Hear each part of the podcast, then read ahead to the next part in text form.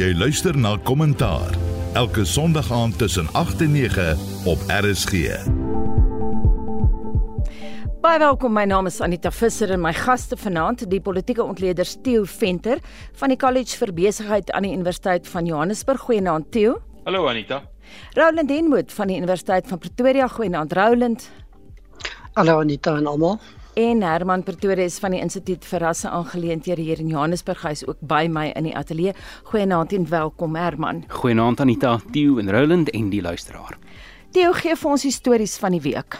Anita, dit was 'n interessante week soos wat ek dink elke week in die volgende 86 dae tot ons verkiesing gaan hê gaan plaasvind. So, ehm um, maar wat vir my opgeval het in die laaste week, ek wil een so kategorietjie skep van aanstellings en skorsings. Uh, ons het gesien dat die minister uh, van ehm um, die adjunkminister van vervoer, die Pio Pieters, deur die president geskort is. 'n Ligte tik oor die vingers vir 'n maand lank gaan sy nie haar salaris kry nie oor ehm um, foute en en uh, verkeerde dinge wat sy gedoen het. Ons sien Roger Jardine se Change Starts Now het aangekondig dat hulle gaan nie in die verkiesing deelneem nie.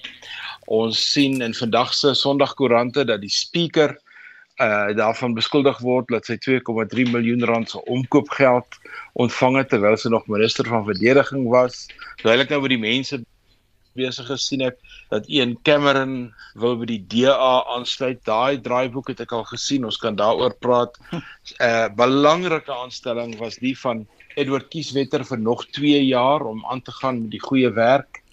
Ek sien Dan Marokane het op die 1 Maart nou uiteindelik begin as die hoofuitvoerende beampte van Eskom. En 'n mens wonder nou of hy nou sy werk gaan verdeel met Spoetla Ramagopa wat eintlik nou as die hoofuitvoerende beampte streep minister waargeneem het. En dan 'n ander belangrike aanstelling wat ek dink ehm um, deur die markte baie goed aanvaar is was Michelle Phillips as die nuwe hoof van Transnet mm. wat uh, ek baie goeie kommentaar gesien het en dan het die president begin met die proses om uh, regter Zondo te vervang en ons het eintlik van die begin af geweet toe hy adjunk hoofregter uh, Mandisa Maya van die appelhof na die konstitusionele hof verskuif het in 'n vorige ronde was dit eintlik voor die hand liggend dat sy uh, op daai lysie is. Die ander goed wat my opgeval het is die ehm uh, die strafregstelsel wat in gesprek was uh,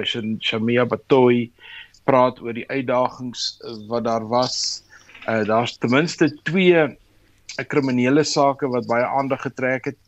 Die uh, inhegtenisname van die manne wat vir AKA mm. doodgeskiet het en dit is maar net wat ons sien wat nou agter die skerms uitkom is hoe militant en en uh hoe gevaarlik KwaZulu-Natal is en dan die dogtertjie wat weggeraak het in die Kaap en wat hulle nog nie gekry het nie. En dan as ons na die politiek kyk en dit sou my laaste gedeelte wees, die EFF het weer 'n provinsiale manifest by inkomens in Dobsonville gehad wat goed bygewoon was met stories. Die ANC se integriteitskommissie wil nou die ouens wat in die Zondo verslag genoem is van die lyste afhaal. Dis 'n speek in die wiele die Vryheidsfront Plus het hulle handvets handves geloods en ehm um, daar was ook melding van watter politieke partye watter geld gekry het en net hmm. twee laaste issues wat ek wil noem internasionaal ehm um, die Oekraïne, die Amerikaners, die die die die voortsetting van daai konflik bly 'n uh, baie baie ehm um, netelige onderwerp en dan het ehm um, Gaza ook weer die nuus gehaal met 'n uh, met 'n skietery wat daar plaasgevind het. So ek dink in breë trekke Anita is dit die goed wat my opgeval het. Herman, kom ons eh, begin by jou die skorsing van Depoyo Pieters, jou kommentaar.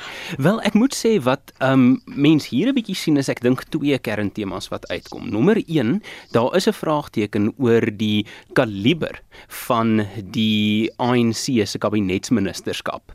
So ons het hier 'n probleem dat die ANC van 20, 30 jaar gelede is nie meer die ANC van vandag nie en dit is waar mense soos Depoyo Pieters by die basies die top van die land se regeringsstrukture kan uitkom ten spyte van die saak dat sy werklik nie enigsins aanduiding kan gee van die nodige meriete om daai rol te vervul nie en haar onvermoë dus om selfs haar goedgesinde ANC gesinde parlementskollegas tevrede te hou is 'n verdere aanduiding dat ons dalk hier praat van 'n kaliber kwessie. Maar tweedens is dit ook 'n vraag oor Ramaphosa se vermoë om sy kabinet te lei. En dit is iets wat vir my oor die afgelope paar maande nogals duidelik na vore getree het. Ons sien 'n president wat toenemend irrelevant is amper binne sy eie kabinet. En mens kan dit dalk ook sien binne die ons die verlenging van kieswetter se termyn wat ek dink objektief 'n positiewe besluit vir die land is. Maar as mens gaan onthou dat kieswetter is op die aanbeveling van die Nugent kommissie gemaak. So Ramaphosa kon nie self besluit wie hy by die inkomste diens wou gehad het nie. Hy kan nie ontslaa raak van katastrofiese mm. kabinetsministers soos Cele nie en dan is dit die parlement wat basies moet optree om ministers soos 'n um, kabinetslede soos Pieters te skors en dan as mense na die begroting gaan kyk, sien mense ook op 'n manier daar 'n desperate finansies minister wat voel hy moet sy party teruglei na 'n punt van fiskale dissipline, maar hy het nie die ondersteuning van die president soos wat Mandela dalk selfs iemand soos Chris Liebenberg die grondwetlike mandaat moes verander om daai tipe kabinetsdissipline af te dwing nie. So dis daai twee kwessies van swak leierskap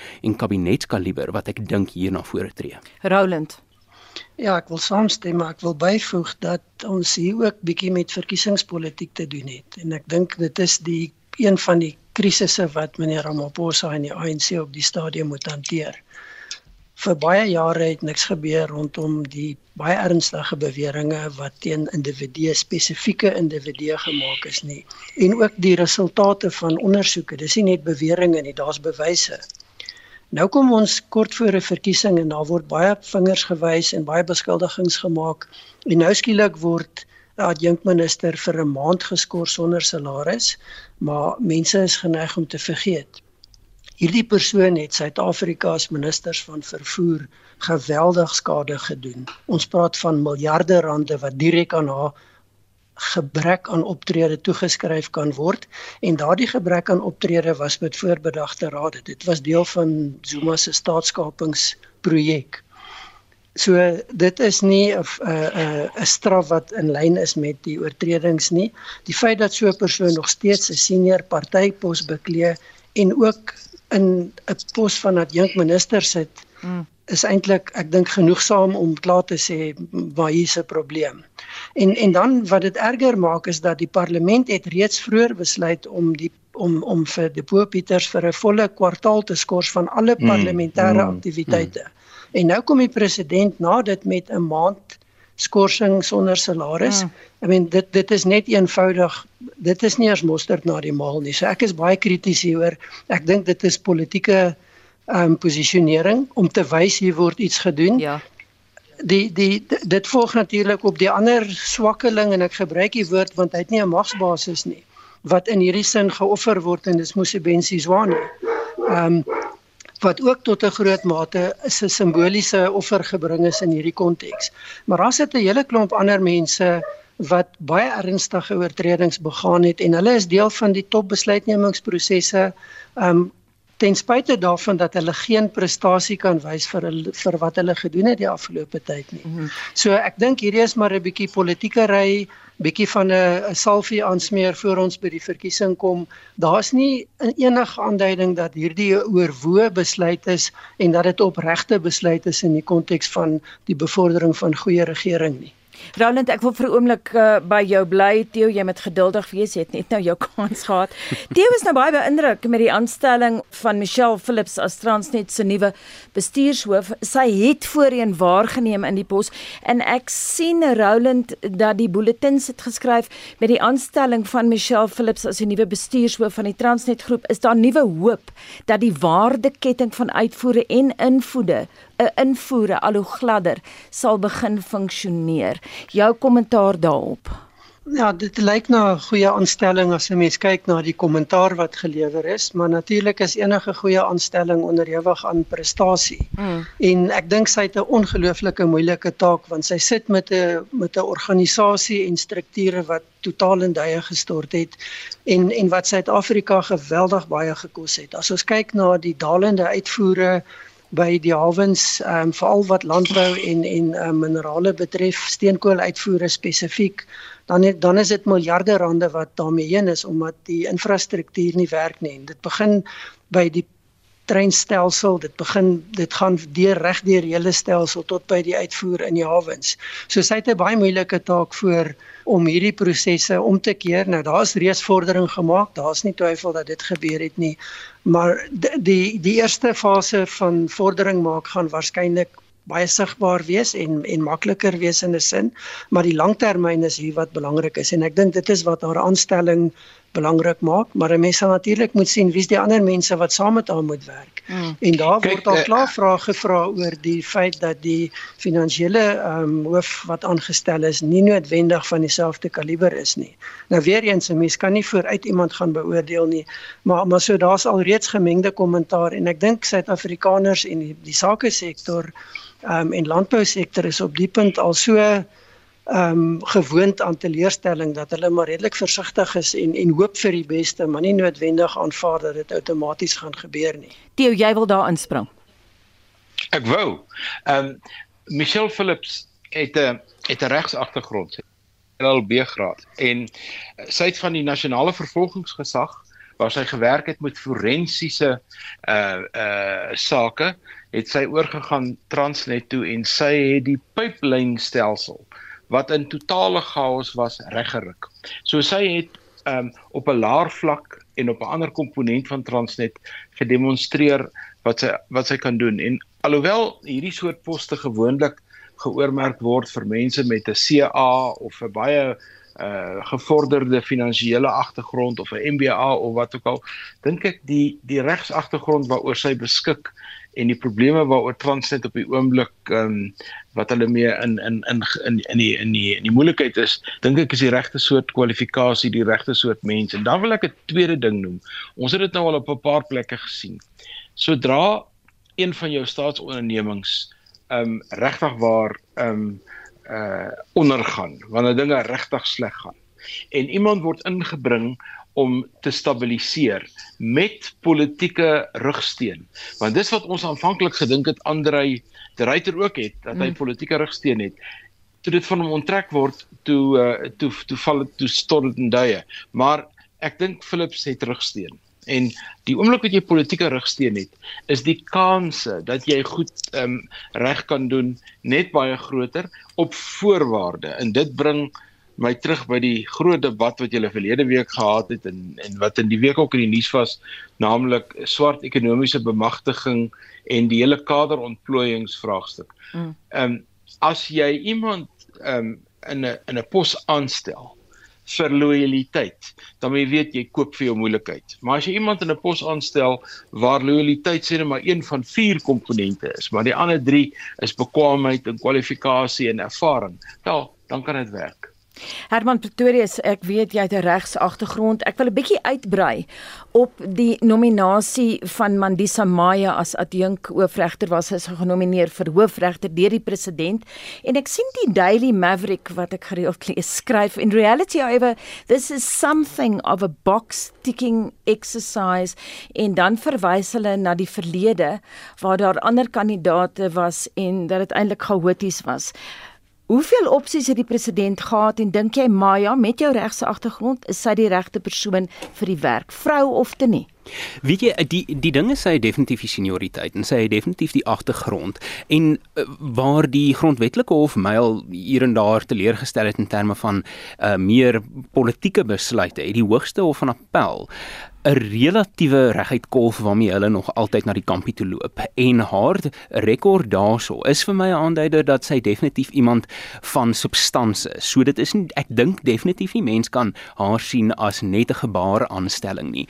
Dit is natuurlik deel van die politieke gesprek en dit irriteer my grensloos dat um, ons uh, kwessies kan hê waar die meriete van die kandidaat sekondêr is aan of hulle kader is of hulle die regte velkleur is of hulle die geslag is, maar daai realiteit in die politieke gesprek en ook binne die ANC toenemend oor die afgelope 10 jaar waar die idee dat 'n vrou 'n rol moet speel bloot uit die bevrediging van die belange binne mm. die party. Dit is tog deel van die gesprek. So terwyl die Daily Maverick dalk um kan impliseer dat sy 'n gebaaraanstelling is as gevolg van haar uh, geslag, dink ek daarom nie hulle of ek sê dat sy nie uh die mas sal opkom in daai rol nie, maar wat hulle uitwys is wel korrek. Die um daar's ook 'n interessante parallel tussen Kieswetter se aanstelling en Maya se nominasie. Um en waarskynlik ook die um die vraagteken oor die uh, goewerneur van die Reserwebank later hierdie jaar wanneer sy termyn in November tot stryk kom en dit is dat Ramaphosa op hierdie stadium duidelik wil speel vir stabiliteit. So om nie die appelkar nou om te gooi en die regterlike dienskommissie genoeg skietgoed te gee om soos wat hulle in die afgelope paar jaar keer op keer gedoen het in die proses om verwerp met die uh, manewale teenoor iemand soos regter Unterhalter waar die onderhoude moes herplaas vind hmm. nie is Ramaphosa besig om 'n stabiliteitsmaatreël hier te tref. So soos aanstellings gaan vir 'n politikus in die presidensiële rol is hierdie ek dink 'n betroubare uh, aanstelling en die enkel nominasie maak dit 'n bietjie meer voorspelbaar. Baie dankie ons bly in die hof. Kom ons praat oor die AK saak wat jy vir ons genoem het as een van jou hoofstories van die week. Die saak is uitgestel tot 6 Maart. Mense wat dit dalk gemis het, die polisie het nou hierdie week bevestig 'n sewende verdagte is in hegtenis geneem. Dis nou in verband met die moord op die musikant Kenan Forbes. Hy staan bekend as AK. Dis nogal 'n groot gesprekspunt op sosiale media, Theo. Ja, dit is 'n baie uh, en en die polisie wat uh, nie geskroom het om vir ons te wys hoe hulle prosesse en hoe hulle ondersoeke geloop het en en die ding wat my geïnteresseer het was die die broers wat betrokke is wat eintlik huurmoordenaars is en hoe mense openlik praat oor ehm um, die die hoe jy 'n huurmoordenaar uh, kry, hoe jy na die taxi bedryf gaan, mm. hoe hulle hierdie goederes uitsorteer so die mense wat hom doodgemaak het of beweer dat hy doodgemaak het. Hulle hulle is met ander woorde 'n gevestigde bedryf in KwaZulu-Natal en dit maak van KwaZulu-Natal paar plekke in die in die in die Kaapse vlakte en hier in Gauteng maak dit baie gevaarlike plekke en dit wat nou hier gebeur het in die omgewing van die kunste en die die die sang. Ons weet natuurlik nog nie waarom hulle doodgemaak is nie. Daar moet een of ander storie agter die storie wees en ek sien oral in die sosiale media vra mense die vraag, maar hoekom het dit gebeur? Was daar iets aan die gang? Was daar iets agter die mm. skerms? Ons weet nie. Maar wat ons wel weet is dat die dat die dat die konflik gelaaide KwaZulu-Natal en hoe die die die konflik loop en as ek net twee of drie sektore kan uitwys, uh, wel die politiek is beslis een. Uh, en dis nie eksklusief aan die ANC nie, die IFP is deel van daai amper gemilitariseerde politieke bedeling. Die konstruksiebedryf waar die waar die konstruksiemafia ook van hierdie mense gebruik gemaak het en waarskynlik die grootste impak op op die konstruksiebedryf of die konstruksiesektor in die land gehad het was in KwaZulu-Natal waar hulle hierdie 30% amper op 'n op 'n gewelddadige manier afgedwing het. Ek dink hierdie maak vir ons 'n bietjie 'n kan oop oor die gewelddadigheid hmm. wat ons in in in KwaZulu-Natal sien en ons moenie vergeet nie, eers in die agtergrond is daar nog die hofsaak oor ons sokkerspeler wat ook 'n paar jaar gelede so doodgemaak is en wat nog nie opgelos is nie. So mm. gevaarlike omgewing waarin ons lewe. Kom ons gee vir Roland 'n kans. Die EKI saak, wat is jou kommentaar daarop Roland? Ek wil aansluit by wat Theo gesê het en en dan moet ons bietjie van van buite na Suid-Afrika kyk en dit is om te gaan kyk hoe Suid-Afrika vaar in die internasionale meting van uh, misdaadpersepsies en en en en ehm um, die veral rondom georganiseerde misdaad en ons sien ons dat Suid-Afrika een van die sewe slegste plekke in die wêreld is volgens die die jongste opnames hmm. in terme van georganiseerde misdaad. En en dan natuurlik die gerugte wat al oor 'n baie lang tyd kom en nou weer nuwe stuwing kry dat Suid-Afrika nie net betrokke is by georganiseerde misdaad oor landsgrense heen nie, hmm. maar dat dit ook 'n verband het met internasionale terreur en dat Suid-Afrika nog steeds gesien word as 'n baie groot probleem in die internasionale veldtog teen terrorisme omdat hier befondsing deur Suid-Afrika gekanaliseer word en dit hou natuurlik verband met georganiseerde misdaad. Hierdie praktyke is eintlik al hoe meer besig om geïntegreer te raak reg oor die wêreld. Dan kom 'n mens by goed wat ook in die nuus was nou wat hiermee verband hou en dit is byvoorbeeld renosterstroper, jou georganiseerde misdaad as dit kom by omgewingskwessies mm. en en bewaring. So die die prentjie lyk nie goed vir Suid-Afrika nie. En en van buite is daar al hierdie aanduidings natuurlik binne Suid-Afrika is daar plekke waar dit dood eenvoudig net so onveilig is en en 'n mens kan jou dit nie indink om in in in veral in sekere gebiede wat jy na verwys het te gaan bly en daar's net geen beskerming vir jou nie jy's absoluut uitgelewer. Vir my ook interessant op sosiale media die gissinge oor hoeveel betaal word vir 'n sluipmoord. Dit kan ook net in Suid-Afrika gebeur. Roland, ek's nou baie nuuskierig oor daai ander sewe lande. Ek is seker die Suid-Amerikaanse lande het daai lysie ook gehaal, is ek reg? Daar is van die Suid-Amerikaanse lande wat dit haal, maar daar's ook natuurlik ander in Afrika. Ek dink Suid-Afrika is maar die derde plek, die derde op die lys in Afrika. Mm. En dan natuurlik is daar in Oos-Europa ook groot probleme rondom georganiseerde misdaad. So dis nie 'n unieke ehm um, kom ons noem dit syde suidelike uh, probleem hier. Dis 'n wêreldwye probleem wat bestaan en en iets wat aandag kry, maar nie ek dink nie genoegsaam aandag kry binne Suid-Afrika nie. Ons het nie meer die vermoë om op te tree nie. Daai vermoë stelselmatig afgebreek. En dit maak natuurlik dat dit baie sleg lyk. En miskien net 'n risikofaktor vir my in hierdie konteks, Theo het net nou ook daarna verwys, is ons is besig om in 'n baie moeilike verkiesingstyd in te gaan. Mm, hierdie gaan 'n nou moeilike verkiesing wees. Mm. En en hierdie tipe praktyke kan natuurlik baie maklik oorspoel en 'n direkte impak hê veral in sekere gebiede op wat in jou verkiesing gebeur. Ek gaan nou, nou by die verkiesing uitkom te ons gaan vir jou nou nou 'n kans gee maar Herman het wag nou baie geduldig hier langs my vir 'n spreekbeurt. Uh, die EKI saak sluit vir my aan by die strafregstelsel wat gebrekkig is. Die nasionale direkteur van openbare vervolging advokaat Shamila Baloy uh, Batoy sê dat die NVG stelsel is heeltemal gebrekkig maar dit is beter onder haar en daar was hierdie week um 'n hele konferensie, tweedaagse konferensie op Boksburg wat juis gegaan het oor die geïntegreerde strafregstelsel, die hersiening van die 1977 strafproseswet. Nou weer eens Herman, jy het 'n regsagtergrond. Dink jy hierdie konferensie gaan iets anders as 'n muisbaar? Ek, ek sou nie my asem ophou vir daai spesifieke geboorte nie. Die probleem hier egter is die KwaZulu-Natal provinsie bring omtrent die ideale Venn-diagram van sosio-ekonomiese en politieke chaos byeen. Ons kyk na 'n streek met 'n ongelooflike bloeddorstige geskiedenis, nie net onlangs in die later jare van die struggle nie, maar ook die feit dat die Zulu koninkryk kan mens amper sien as 'n Suider-Afrika Sparta histories. Dit is 'n nasie wat militêre mag en militêre identiteit en status binne die samelewing hoog aangeskryf het. So dit het nou nog 'n effek waar ons kyk na hierdie streek met sy prestige ekonomie van wat stel jou in 'n sosiale konteks bo of wat stel jou onder? So ons het daai sosiologiese historiese konteks. Dan het ons die struggle stryd tussen die IFP en die ANC wat ongelooflik bloeddorstig was. Ek bedoel in daai laaste 4 jaar van die onderhandelinge tussen 1990 en 94 is omtrent ek ek dink uh, 15000 Suid-Afrikaners gedood in daai tipe konflik. Mm. En ek het nou die dag na die data gekyk en 94 en 93 was dit tussen 1500 en 1700 politieke moorde in KwaZulu-Natal mm. reeds so laat in die onderhandelingsproses. Maar dan kom, kan mens amper dieper begin. Byvoeg is per maand gewees, né? O ja nee, nee dit dit dit ja. maak dit uh, toenemend erger. Ja nee en die, die wat mense amper nou sien in KwaZulu-Natal is die feit dat die onderwêreld na bo kom.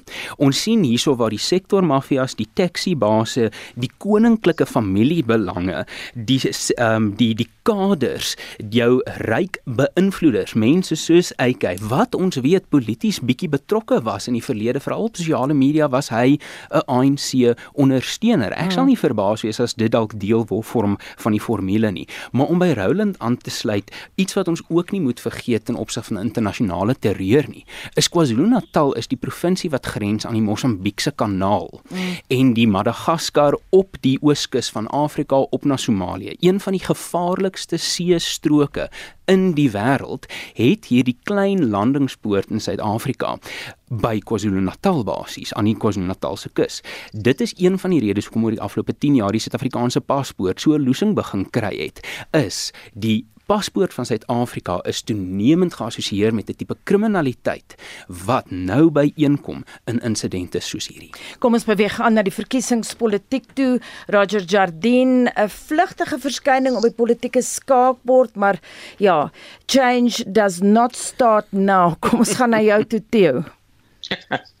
ja, ek het uh, hy was nou een van 3 of 4 van die nuwe uh kom ons noem hulle mikropartye uh is Musi Maimane se groep dit is ehm um, dit is Ryzen Zanzi en hyself en so meer en een van die faktore wat hy noem in die persverklaring is dat die OVK dit bitter moeilik maak vir 'n klein party om byvoorbeeld die aantal handtekeninge te kry wat nodig is en sekere uh, administratiewe hekkies wat in sy plek geplaas word. Nou hier is 'n Hier is eintlik 'n baie belangriker punt hier ter sprake as wat ons dink.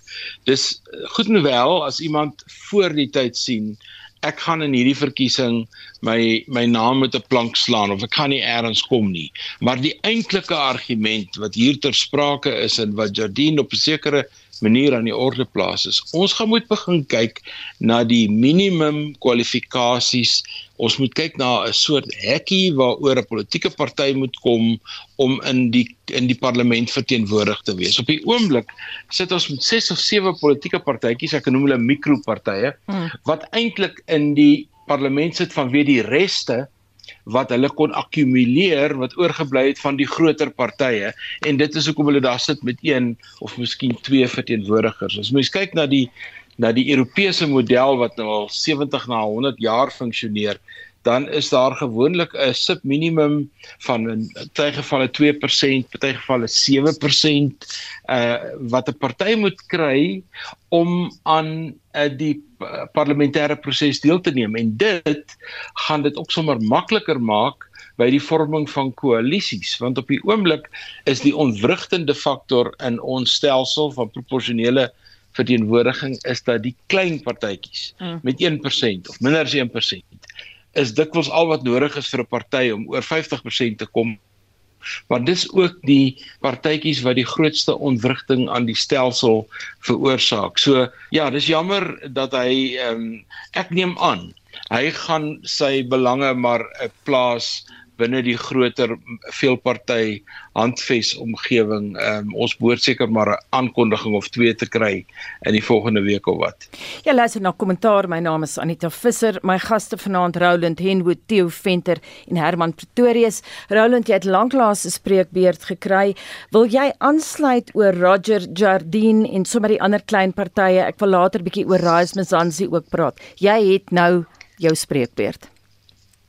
Ja, ek ek dink Theo is reg in in in in wat hy noem en, en daar's twee dimensies. Die een is natuurlik die spesifieke individu en organisasie wat ter sprake kom en die ander is natuurlik die groter vraagstuk oor hoe lyk ons kiesstelsel? Hoe reguleer ons ons kiesstelsel? En dan baie belangrik, wat is die gevolge van die besluite oor die kiesstelsel wat ons neem? Nou die uitdagings wat kleiner partye het is nie nuut nie. En dis ook nie meer net kleiner partye nie. Ons het gesien die hofsaake en die geveg wat individuele kandidaate gehad het om te kom tot op 'n punt waar daar nou 'n moontlikheid is dat individue ook aan die verkiesing kan deelneem. Maar daar's nog 'n hele klomp ehm um, vraagstukke rondom hierdie prosesse wat nie hanteer is nie, wat nie afgehandel is nie. En die vraag wat by 'n mens opkom is natuurlik of die ideaal wat 'n mens nastreef, miskien eers dit is die die ver, die balans tussen verantwoordbaarheid en verteenwoordiging. Nou in Suid-Afrika neig ons in te sterk in die rigting van verteenwoordiging en dit ondermyn verantwoordbaarheid. En daarom sien ons baie van dit wat in ons politiek uitspeel. Die die vraag hier is wat is die korrekte balans vir Suid-Afrika? En hier moet ons kyk na daai vraag in die konteks van ons geskiedenis en die tipe politiek wat in die verlede bedryf is, wat in die afgelope 30 jaar bedryf is en dan eintlik 'n nuwe fase wat nou betree word nie net vir die verkiesing nie, maar wat kom in in die onmiddellike en medium termyn na hierdie verkiesing. So daai vraagstukke is nog nie regtig hanteer in die debatte nie. Dis glad nie hanteer in die parlement nie. En een van die kwessies is natuurlik tot watter mate word groot partye beskerm en gebruik groot partye hulle relatiewe magsposisie om hulle eie belange te verskans. Ehm um, en ek dink dit is die frustrasie wat ons gesien het by individue en by kleiner partye. Mm. Maar die probleem is dat hierdie kleiner partye is op die stadium baie destruktief in ons politiek. Ek kan nou juist daarbey aan um, Jy is reg as hy dit sê. Mm, ek wil aansluit daarby uh, jou voormalige hoof Frans Kronee by die Instituut vir Rasseaangeleenthede Herman. Hy het voor Jardine se onttrekking uit die verkiesing al gesê daar's geen hoop vir hom nie. En dan wil ek sommer hê jy met kommentaar daarop lewer en dan ook uh julle praat nou van groot partye, klein partye. Wat van die veelpartye aanves wat ook onthul is hulle gaan nou 'n beerdkrag aan 'n einde bring. Wil jy iets sê oor die idee van 'n veelparty wat saamwerk om miskien teen die ANC te staan? Maar net vinnige kommentaar op wat Frans Kronee het van die begin af gesê. Jardine gaan dit nie maak nie. Ek dink daar's oor die algemeen ehm um, uh twee kwessies wat hier te sprake kom in die kortstondige uh uh tydperk wat uh Change Starts Later uh, verskoon my Change Starts Now ehm um, hierso uh, deelgeneem het aan die verkiesing is nommer 1 'n politieke naïwiteit onder veral ek dink sakelei in Suid-Afrika. Sakelei in Suid-Afrika verwag dat wanneer hulle in die politiek gaan deelneem, is dit 'n tipe van 'n wins bejag motief. Dat jy gaan op die ou einde soos die Engelsman sê jy dit dit kom terug aan jou bottom line. Maar die politiek en die besigheidsbedryf verskil enorm in die sin dat die een is ideologies en die ander een is besonder pragmaties. En Jardine wat self 'n besigheidsman is het dalk onderskat die mate mm. waartoe daar regtig 'n tipe van 'n ideologiese inkoop moet wees om 'n paar politieke party se basiese infrastruktuur daar te stel. 'n politieke party tot op hede lede het 'n suksesvolle verkiesingsveldtog as hulle die twee registrasie naweke kon gebruik om hulle mense te registreer, mm -hmm. as hulle plakate kon opsit, as hulle 'n manifest loods kon dit um uh, uh, teweegbring. En al drie hierdie is maar vraagtekens van logistiek. Dit is vraagtekens van kan jy op 'n ideologiese vlak mense opgewonde kry oor wat jy as 'n organisasie wil regkry sodat jy dan die die voete op die grond het vir daai tipe logistiek. En ek dink Jardine het 'n bietjie onderskat dat multimiljoene rande mm. kry jy nie op 'n verkiesings 'n uh, podium op die einde nie. En die ander ding wat ek dink ook hier 'n bietjie kritiek moet wees op partye soos die DA is 'n relatiewe isolasie van die belange van sakelei. Ons by die ERR praat gereeld met sakelei mhm. wat sê ons wil hierdie partye help, maar ons e-posse word nie beantwoord nie, die mhm. oproepe word nie beantwoord nie, ons WhatsAppe word nie beantwoord nie want hierdie politieke partye is so freneties gefokus om daai logistieke wenne dag na dag aan te teken dat hulle nie mooi besef dat hulle maatskaplike koalisies buiten net jou politieke koalisies moet bou nie. En as Jardine dan in die veelparty alliansie opeindig, sal dit op 'n manier sin maak, maar hierdie veelparty alliansie moet versigtig wees want ek het na Jardine se beleid gekyk en ek was nie oortuig daardeur nie. Die hmm. veelparty tot dusver kon op die ekonomie en op beerdkrag 'n relatiewe koherente stelsel van beleidsimplementering daarstel. Jardine mag dalk 'n vals noot in daai spesifieke stukkie musiek wees. Teorie nuwe party Rise Mzansi, ja? ek wil vinnig hierdie terberde bring want dit is my baie belangrike storie. Hierdie grootste bedrag skenkings van 16 miljoen rand in die derde kwartaal van die boekjaar aan die verkiesing verkiesingskommissie verklaar. Nou dit is 'n storie wat RSG se bulletins die week gedra het en dit was net vir my interessant. Is dit vir jou aanduiding van hoe hulle kan vaar in die verkiesing as hulle so baie skenkings kry toe? Nee. Nee, dis nie vir my 'n aanduiding nie. As jy mooi gaan kyk oor die laaste 4 jaar, wat 3 jaar, 4 jaar wat ons nou hierdie verslagdoening kry oor geld, sien jy sien dat die Oppenheimer familie op verskillende maniere geld aan verskillende partye via verskillende lede van die familie gee. Mm -hmm. Hierdie bedrag uh, kom van een van die Oppenheimer dogters af.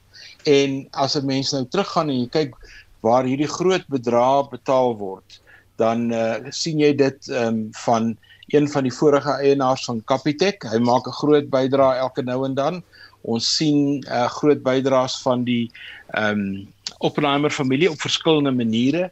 Ek dink dit sê maar eintlik net waar lê hulle simpatie en dan is hulle baie sensitief om die geld wat hulle aan politieke partye gee nie net aan een party te gee nie, maar dit so bietjie te versprei in 'n uh, ideologiese omgewing, die woord wat Herman net toe gebruik het, wat hulle simpatie mee het en ek dink wat hulle wil bevorder en dit bring my by die punt wat ek net um, op Herman kommentaar wou lewer oor die rol wat besigheidslei in die politiek speel. Nou ek het in my jare wat ek met hierdie goed besig is, baie baie hiermee te doen gehad en die een groot probleem daar's twee probleme, nie net een nie, daar's twee probleme. Die een probleem is die ehm um, een Cameron aankondiging wat ek gemaak het vroeg in my in my eerste stukkie. Iemand wat op sy eie in sy eie studeerkamer, sy eie veldtog bestuur en 'n hoë vlak van aktivisme bereik het en 'n sigbaarheid. Mm. Sukkel om in 'n politieke party sy voete te vind. Ek kan vir jou verskeie voorbeelde wys. Ehm um, dit is aanwinste vir die politieke party, maar die bestuur van daai individu binne die hiërargiese struktuur van 'n politieke party is 'n nagmerrie. Dis die eerste punt. En dit geld vir besigheidslei ook, want besigheidslei en dit is eintlik my tweede punt, ja. is gewoond aan 'n kort besluitnemingsproses. Mm. Jy neem 'n besluit, die direksie sê vir jou dis reg en jou ondergeskiktes voer dit uit. Mm. Nou kom jy in die politiek. Nou kan jy nie meer 'n besluit neem soos in daai dae nie. Jy moet nou met die met die stakeholders, met die belanghebbendes moet jy konfereer. Jy moet met jou party se bestuur konfereer. Jy moet met die partye wat neweskikkend aan jou is, moet jy praat. Jy moet met die mense op die grond praat. Skielik is daar 7 of 8 belange wat jy moet bestuur om by 'n besluit uit te neem of kom en dis nie meer daai enkelvoudige manier nie en dit dit um, ek sê vir dit frustreer sake lei grensloos dat hulle nie hierdie vinnige besluite in die politiek kan afdwing nie. Louis Luit was 'n pragtige voorbeeld van hoe dit nie werk nie. Ek wil aanbeweeg nou iets anders toe. Groot opskudding in die Ekurhuleni metro oor emosie van wantroue en ek wil vir jou die vloer gee Roland. Ek weet dat julle kollega professor Antoni van Neukerk het heelwat daaroor te sê gehad in ons verkiesingsdebat gister en uh, ek wil graag weet Wat dink jy want eh, 'n uh, ander kollega van julle professor Pieter Devenage het gereageer. Antoni klink uh, baie skepties te wees oor of koalisies kan werk en dan het ons Pieter Devenage gekry wat gesê het man dit hang af wie werk saam. Hy glo byvoorbeeld dat die Vryheidsfront plus en die DA eintlik heel volwasse en gemaklik kan saamwerk, maar uh, Ekurhuleni nou ja, daar was dit EFF en die ANC. Ontleed vir ons dit Roland. Ja, ek dink die die moontlikheid van samewerking is altyd daar en die moontlikheid van 'n breekspel is ook altyd daar as dit kom by koalisies. Dit hang af van wat is die gemeenskaplikhede en natuurlik wat is die langtermyndoelwitte. Wat onderliggend is aan aan die probleem wat ons hier sien is natuurlik die spanning tussen die EFF en die ANC en die feit dat daar eintlik in die ANC nog geen klarigheid is oor wat is die standpunt en toekoms van koalisies nie. Mm. En nou is hier half 'n gedwonge koalisie wat op 'n provinsiale vlak baie vinnig beding is om soveel as moontlik te probeer behou want die ANC is in groot moeilikheid in Gauteng. En die die probleem wat jy nou kry is dat die kompetisie tussen hierdie partye daar's geweldig baie gerugte en nou word daar amptelike verklaringe gemaak van rolspelers wat eintlik 'n toesigfunksie het wat mm. begin sê maar hier's probleme, hier's dinge verkeerd en dit word ten alle koste lyk like dit vir my toegehou om te kyk kan ons net by die verkiesing uitkom. En ek dink ons kan nie anders as om aan te hou om hierdie goed te beoordeel ook in terme van 'n naderende verkiesing nie. Die die probleem wat jy mee sit is natuurlik ook die debat dat wat binne die ANC woed wat sê as ons met waar ons met die EFF saamwerk doen ons dit ten koste van onsself. Mhm. Mm Maar daar is soveel wat die ANC nou aandadig by is en ek dink die prestige van die Gauteng leierskap is op die spel. En nou word hier baie vinnig wal gegooi en natuurlik nou, kry jy gebeure waar dit net eenvoudig 'n plof situasie is omdat daar ten alle koste gekeer moet word dat hierdie ding in duie stort. En en sover lyk dit vir my en en dit word vingers word na die EFF gewys. Mm. Maar dit kan wees dat ANC-lede ook eintlik nie wil hê hierdie uh, mosie moet voortgaan nie want dan word hulle gedwing om 'n keuse te maak en watter kant toe hulle dit ook gaan maak gaan kan baie direkte gevolge vir die ANC en die caucuslede ook inhou. So dis 'n baie onverkoeklike en moeilike situasie.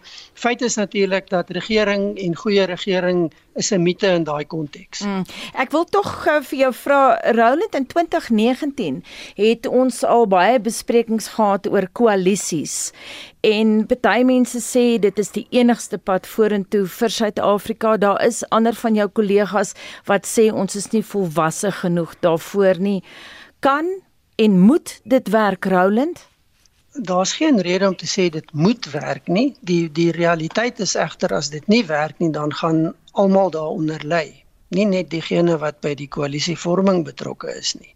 En daar's geen rede om te sê dit kan nooit werk nie. Dit behoort te kan werk, maar dit gaan afhang van leierskap.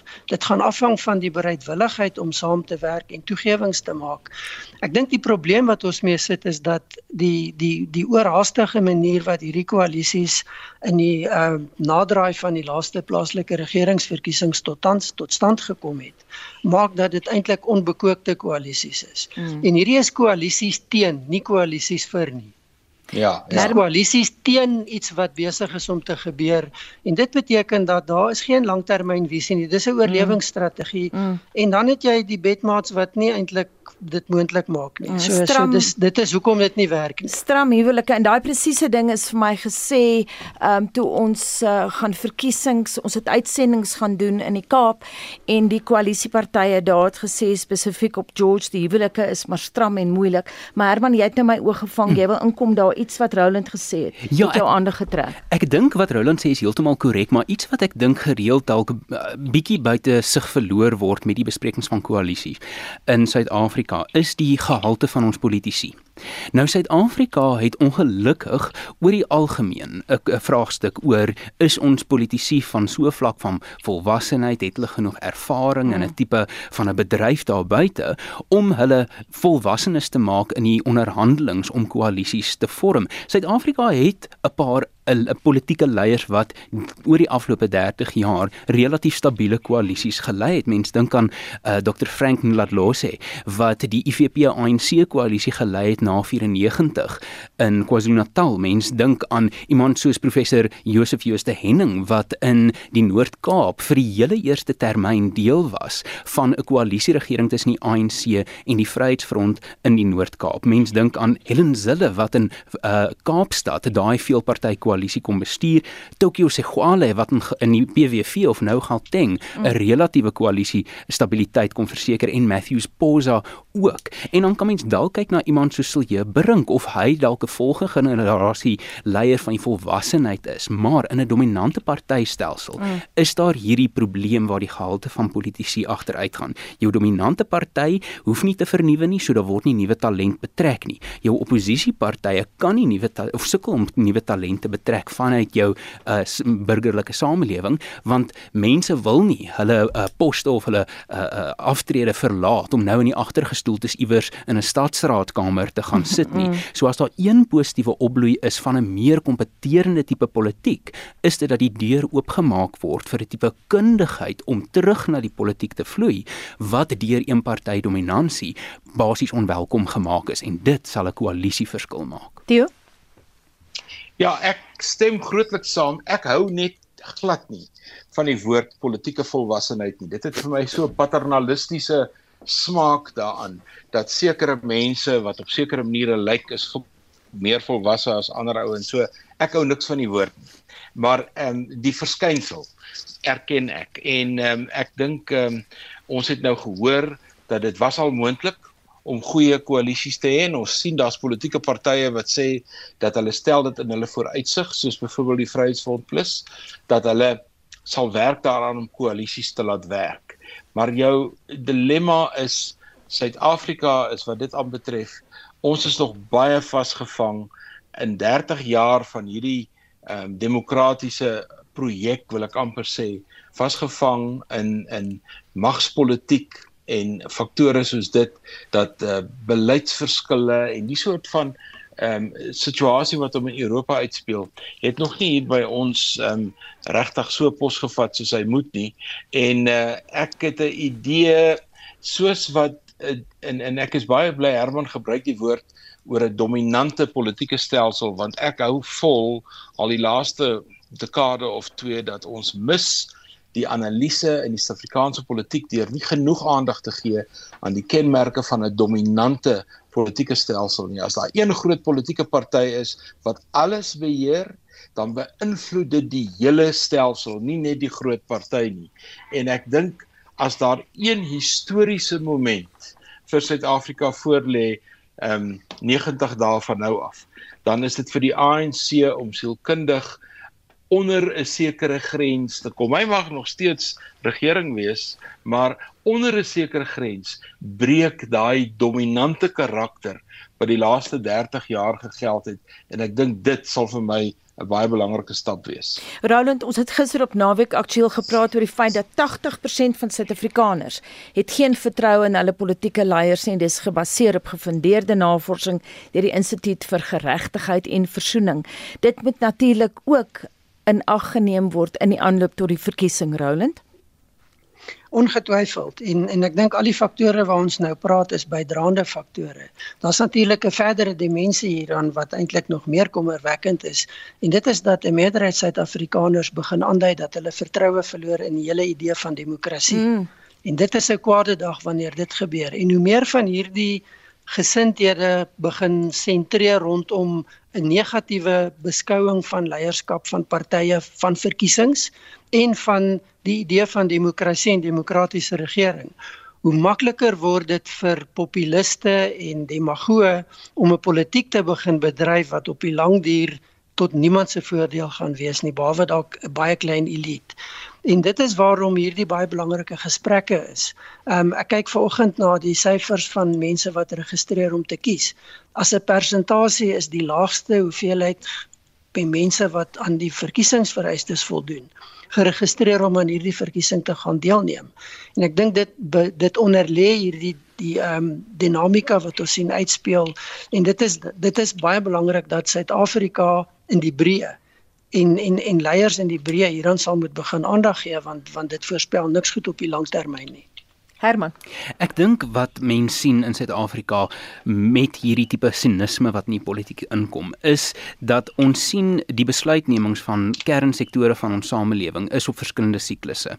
Jou besighede probeer kwartaal na kwartaal sinvolle uh, data gee van hoe hulle daai uh, spesifieke kwartaal gedoen het. Jou politieke party werk in 'n verkiesingssiklus en jou kiezer werk op 'n baie korter siklus van moontlik moontlik weke tot maande. Ek het nou eendag met Gerrit van Onselen gesels en hy het aangedui dat die probleem hier is dat kiesers maak kiesbesluite naby aan stemdag mm -hmm. op relatief onlangse verwikkelinge. Ja? En uit Amerika hoor ons altyd die kiezer het 'n baie kort geheue. Maar waar Suid-Afrika se probleme is op 'n langtermyn siklus. So ons het hierdie vier bewegingsgroepe, jou politieke partye, jou sakewêreld, jou arbeidsunies wat ons dalk daar kan insluit en die kiezer wat elkeen op 'n ander eerste tydraam siklus werk terwyl Suid-Afrika oplossings nodig het wat oor 'n 20 jaar siklus dalk inskop eerder as in die enkele maande, jare, kwartale waar die hoof ekonomiese sosiale en politieke besluitnemers tans werk. Theo, dink jy Suid-Afrikaners het kort geheue?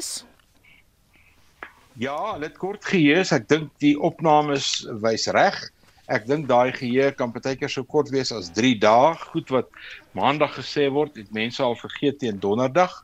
Maar dan oor sekere faktore uh van 'n etniese aard, van 'n historiese aard, van 'n sielkundige aard en dan um goed wat 'n mens noem waar iemand te nagekom voel in die politiek ten opsigte van sy waardes of wat ook al daar is die geheue die van 'n olifant. Hulle vergeet dit nooit.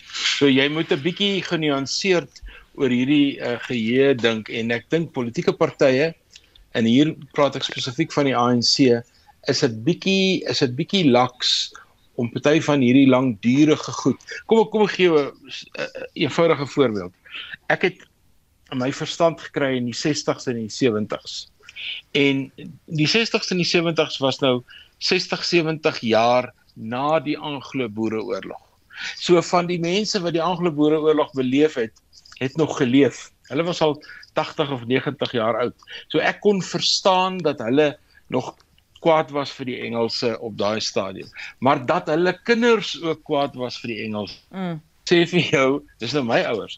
Dit sê vir jou dat die sosialisering wat binne in 'n familie of binne in 'n groep plaasvind, veroorsaak baie keer wat mense onthou en wat hulle nie onthou nie. Mhm. Mm Roland, ek wil vinnig na jou toe kom oor iets wat gister bespreek is onder joernaliste in die nuuskantoor. Ons het gepraat oor kospakkie politiek. En van my kollegas het vreeslik baie daaroor te sê. Nou sien mense ook aan die aanloop tot die verkiesing byvoorbeeld, die Vrystaatse premier Dukwana het nou beloof luister hier na 1,9 miljard rand sal op pad infrastruktuur in die Vrystaat bestee word. Nou dit was vir my interessant want 'n vriend van my van die Franse ambassade het sy kar daar gerol. Hy het juis agter ons gery weens die baie baie swak paaie destyds was so 2 jaar gelede by Heilbron. Maar toe sê Roy Jankelson ja ja ja. Jy moet nou ook onthou, julle het en ek dink die syfer wat hy genoem het, Jankelson sê 5 miljoen rand is bestee op die geleentheid waar tydens die premier sy provinsiale rede in Kwakwa gelewer het. Soos weer eens al hierdie groot beloftes, maar hierdie idee van kospakkie politiek, ons gaan dit doen, ons gaan dit doen en kom sommer saam en eet 'n lekker maaltyd. Hoe belangrike rol speel dit in die Suid-Afrikaanse politiek? Swaai dit mense? Ek weet nie of ons kan sê dit swaai mense en ongetwyfeld histories het dit 'n rol gespeel, maar dit het so wyd versprei geraak dat ek dink dit miskien die impak so bietjie verloor. Maar wat dit wel belangrik maak is dat dit mense trek, want ek kry ete. Ons moet onthou daar's geweldige probleme in Suid-Afrika met werklike armoede en hongersnood. Mm en en mense het nie elke dag 'n ete nie. Mm. So hier kan ek nou na geleentheid gaan. Ek kry 'n temp en ek kry 'n ete mm -hmm. of ek op die langtermyn myself verbind is irrelevant. Mm. As ek daar gesien word kry ek iets wat my onmiddellike behoefte bevredig. So dit speel 'n rol, maar nou nou is daar 'n dimensie wat saam met dit gaan. En dit gaan verby die idee van groot beloftes. Byvoorbeeld, ons gaan soveel aan paaie spandeer. Mm. Daar gaan niks gebeur voor die verkiesing nie. Na die verkiesing is dit waarskynlik vergete, want daar is nie daai tipe geld nie. Maar die boodskap wat saam met dit kom is ons as party betaal jou en die ANC sê dit reguit.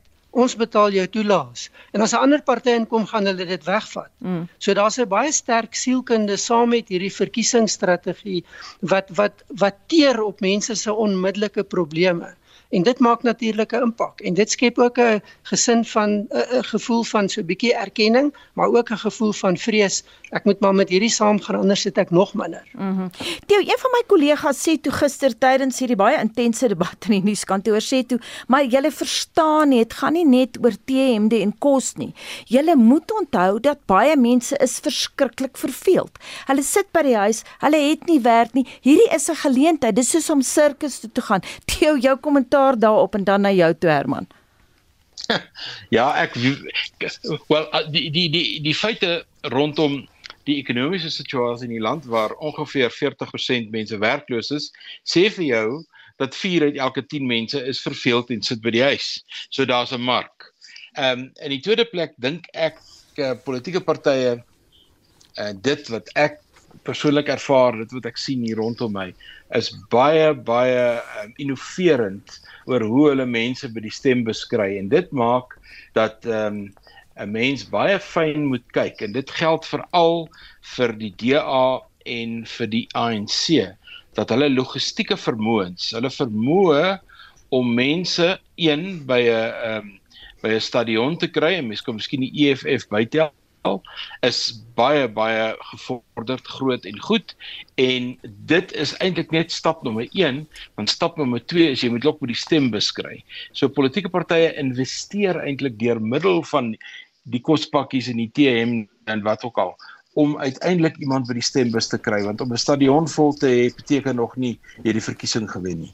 Herman het nou my oog gevang. Jy wil iets sê ek dink oor die grondonteiening in die Vrystaat. Dit vorm deel van hierdie boodskap wat uitgestuur word. Kiesers op die ou einde van die dag stem vir 'n mens kan dit gevoelswaarde of waardes noem. 'n Kiezer gaan op die ou einde van die dag sy kruisie trek by die party wat motiveer dat hulle omgee oor iemand soos hy.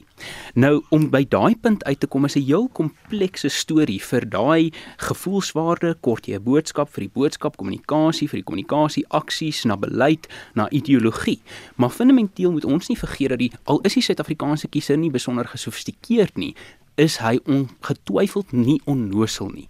In 2004 het die ANC 70% van die stemme in hierdie land gekry onder Thabo Mbeki, nie 'n tradisioneel geliefde charismatiese figuur nie. Maar as ons gaan kyk wat die ander data van ons sê, sien ons dit was 'n era van ekonomiese groei, dit was 'n era van huise wat gebou word, krag wat aangelê word, water wat toeganklik gemaak word, opvoedingsgeleenthede wat beskikbaar gestel word, die uitrol van die SASSA grant stelsel het in juist daai era gebeur. So deur die positiewe ekonomiese groei en ekonomiese suksesse van daai tydperk kon die ANC tot by hierdie gevoelswaarde deurdring ons die ANC gee om vir mense soos jy. So die ekonomiese suksese bou die basis vir 'n baie meer subtiele emotiewe oproep wat tot die hart en die basiese menslikheid van 'n kiezer moet spreek. En hierdie grondbesettings is deel van daai narratief wat geskaaf word van waaroor gee die partye werklik om? Is dit mense soos ek? En dit is op 'n manier 'n primitiewe tog nie 'n heeltemal 'n oppervlakkige manier om na die kiezer se gedrag te kyk nie. Ek gaan uh, die heel laaste woord aan Theo net nou gee, maar Roland, wil jy dalk kommentaar lewer op wat Herman nou gesê het en dan gaan ons na internasionale nuus toe en na Theo toe. Ja, ek dink die fout wat mens nie moet maak nie is om hierdie tipe gebeure soos byvoorbeeld kospakkies as 'n korttermyn en 'n net 'n verkiesingsproses te sien. En ek ek dink Herman is reg waar hy 'n langtermyn ontwikkeling en konteks skets. Natuurlik is daar gevalle waar dit baie meer ehm um, sinies amper en ek wil al die woord gebruik brutaal is waar dit letterlik is ek doen iets om 'n paar stemme te koop. Mm. Op 'n vlak van 'n nasionale verkiesing is dit bietjie moeiliker om dit reg te kry. En en dan sit jy met ander realiteite. En en ek dink dis die die teenstrydighede in Suid-Afrika waar ons nou begin sien waar ander vraagstukke dominant is. Beerdkrag is 'n baie groot kwessie in meeste mense se lewe.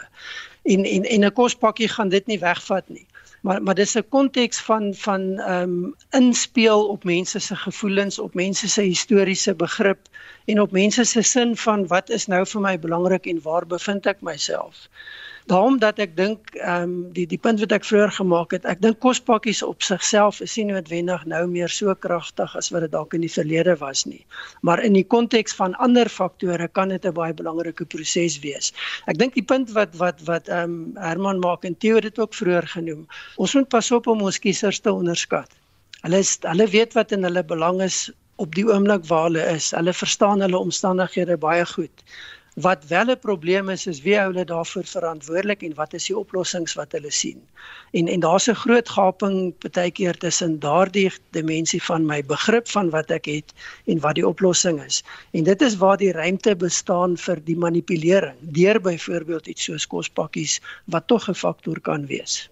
Kom ons eindig met Theo, jy wou uh, Gaza ook bespreek vanaand meer as 100 trouens die nuutste syfer wat ek gesien het is 113 Palestynë gedood, meer as 280 gewond deur die Israeliese weermag en daai mense het gestaan en wag vir bystand. Baie skerp kritiek in die internasionale media.